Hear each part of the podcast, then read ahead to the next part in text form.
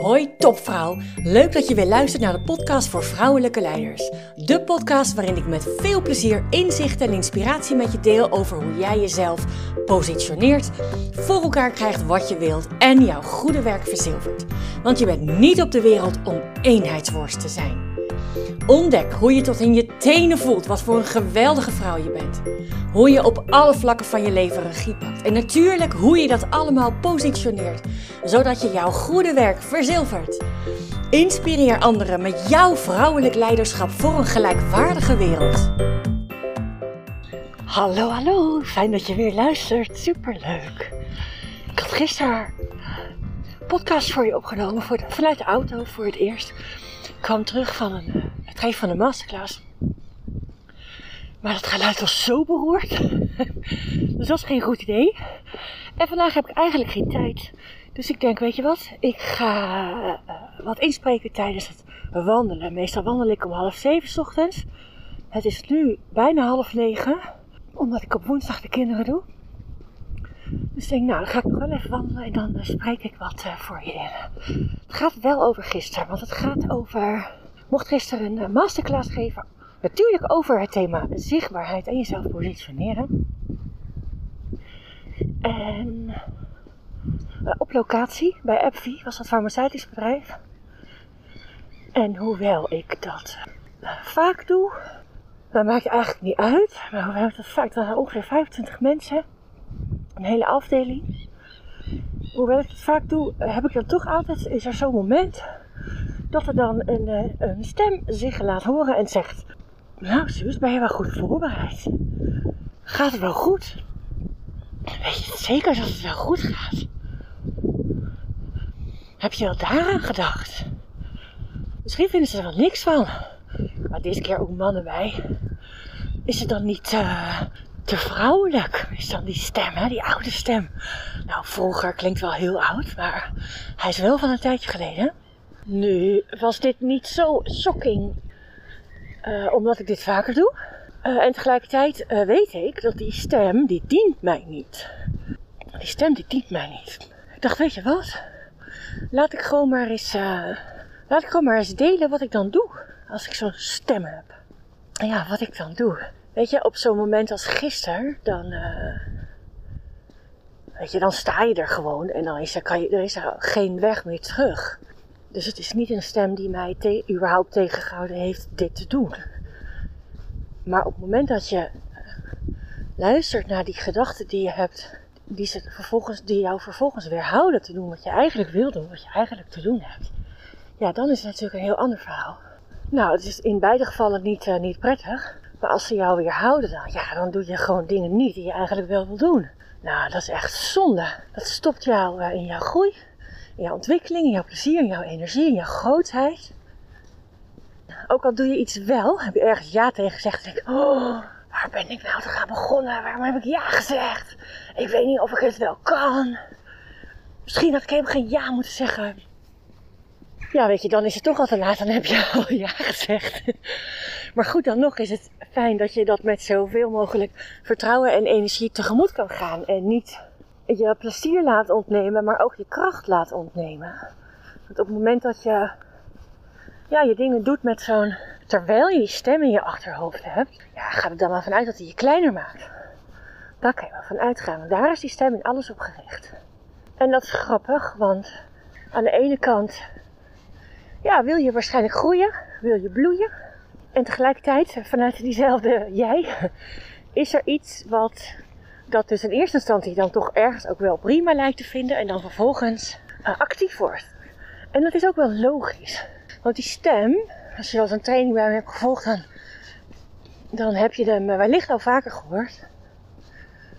Maar op het moment dat je iets doet wat je niet altijd doet, wat een beetje nieuw voor je is, wat spannend is, wat enorm, enorm anders is, dan ga je uit je comfortzone. Dat ben je aan doen. Op het moment dat je uit je comfortzone gaat, stapt, dan, dan ligt kwetsbaarheid op de loer. Ons ego, ons ego wil niet kwetsbaar zijn. Dat is veel te link. Jeetje, stel je voor. Nou in mijn geval sta je daar voor 25 mensen en dat gaat niet goed. Maar die kans is natuurlijk, Je kan nergens verstoppen als je voor een groep van 25 mensen staat. Dus je ego doet, zal er alles aan doen om jou dan daartegen te beschermen. En dat is heel, dat is heel lief natuurlijk. Dus die zorgt natuurlijk voor dat je dan uh, zoveel mogelijk in je comfortzone blijft. Want dan hoef je nergens niet je kwetsbaarheid te laten zien. Spannende dingen doen in je comfortzone, dat bestaat niet. In je comfortzone is altijd gemakkelijk. En dat is heerlijk. Alleen je groeit er niet van. En bloei je al helemaal niet. Dus goed, die stem, die, uh, die gedachten, die proberen jou uh, van die kwetsbaarheid uh, te weerhouden. Die proberen jou dus, ja, waarschijnlijk zonder het zelf te weten, jou te weerhouden van dat je uit je comfortzone gaat. Dat je spannende dingen doet, nieuwe dingen doet. En dat brengt me gelijk bij die allereerste stap. Want op het moment dat je dat herkent, hè, dat je die gedachte hebt, maakt niet uit wanneer. Als je dat herkent, dan was lange tijd mijn eerste neiging. Dat wil ik niet. Ik wil zo niet denken. Ik wil die gedachten niet. Ik wil ze niet. Stom. Ga weg. Ga weg. Met als gevolg dat ze nog veel meer aandacht van me kregen. Met als gevolg dat het groeit. Alles wat je aandacht geeft, groeit. Dus wat je in plaats daarvan kunt doen, is ze als het ware erkennen dat ze er zijn. Je hoeft er niet blij mee te zijn. Je hoeft er geen glimlach van op je gezicht te krijgen. Maar zie het maar. Weet je, op het moment dat een kind gezien wordt in uh, vervelend gedrag, is de kans heel groot dat het vervelende gedrag stopt. Het kind is gewoon op zoek naar om gezien te worden, om erkend te worden. Zo is het ook met jouw gedachten. De minder positieve gedachten. Die willen gewoon even gezien worden. En op het moment dat je ze even ziet, of ja tegen zegt, en ja is niet, ja ik vind je leuk, nee, maar gewoon ja, ik hoor je. Dan hoeven ze niet meer zo uh, om aandacht te vragen, dan hoeven ze niet meer zo te schreeuwen hoeft ze zich ook niet te vermenigvuldigen of te herhalen of wat ze ook allemaal, waartoe ze ook allemaal in staat zijn. Dus dat is één. Wat je vervolgens kan doen, weet je, in je hoofd gebeurt het niet. In je hoofd gebeurt het gewoon niet. Dat is twee. Dus hoe meer je bij je gevoel bent, hoe fijner het is, hoe gemakkelijker het is.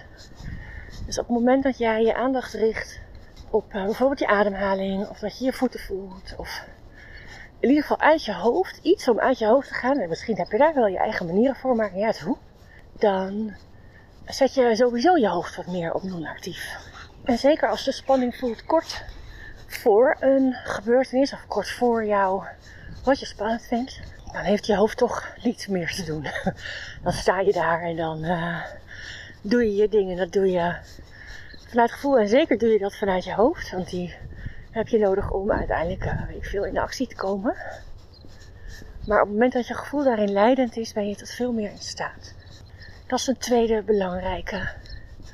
Dus eerst ja zeggen tegen de gedachten in je hoofd. En dan uit je hoofd naar je gevoel. En dan de derde en laatste, en die werkt eigenlijk altijd voor alles, die heeft ook te maken met uh, wat ik net al zei, alles wat je aandacht geeft groeit. Als je heel veel tijd stopt in de gedachten die jou niet dienen, dan zal het groeien. Maar je kunt het andersom ook doen en dan kan je het voor je laten werken. Dus je aandacht richten op bijvoorbeeld de goede afloop. Hoe je je voelt tijdens wat je van plan bent te gaan doen. En op het moment dat je dat doet, geeft je jouw brein, wat natuurlijk hartstikke slim is, maar ook erg volgzaam, geef je jouw brein een richting in uh, waar het de aandacht op mag richten. Dus op het moment dat jij je aandacht richt op een goede afloop, een goed resultaat, uh, dat je lol hebt gehad, dat je plezier hebt gehad, dan uh, zal elke vezel in jouw lijf, inclusief jouw brein, er alles aan doen om dat voor elkaar te krijgen. Nou, voor mij was die masterclass gisteren de aanleiding, maar dat geldt voor, ja, voor alles. En sommige dingen zijn uh, groter, groter uit de comfortzone en andere dingen minder groot. Maar uh, zo'n stem, bij mij althans, popt die toch gewoon op. Dan weet ik wat me te doen staat. En jij hopelijk ook. Zodat jij je nooit, maar dan ook nooit, nooit, nooit, nooit, nooit tegen laat houden. Uit je comfortzone te gaan te groeien te bloeien, je grootheid te laten zien. Te laten zien dat je 100% jezelf bent. Te laten zien dat je hier niet bent om eenheidsworst te zijn. Want dat ben je niet. Je bent hier om 100% jezelf te zijn. Hoe meer je uit jouw veilige comfortzone gaat, hoe, nou, hoe spannender het af en toe wordt, hoe sneller je groeit. hoe meer je voor elkaar krijgt. Nou, kan je één ding vertellen, hoe leuker jouw leven, hoe energieker jouw leven. Dus ik sluit weer af met de magische woorden. Ga maar doen. Heel veel plezier. Ga uit je comfortzone. Geniet van jouw moed. En uh, tot de volgende keer. Doeg, doeg. Dank, dank, dank voor het luisteren. Help ook mij zichtbaar te maken. Dat doe je door deze podcast te delen met een collega, een vriendin, in een groepsapp of helemaal super op LinkedIn. Leuk om je daar te zien. Dag!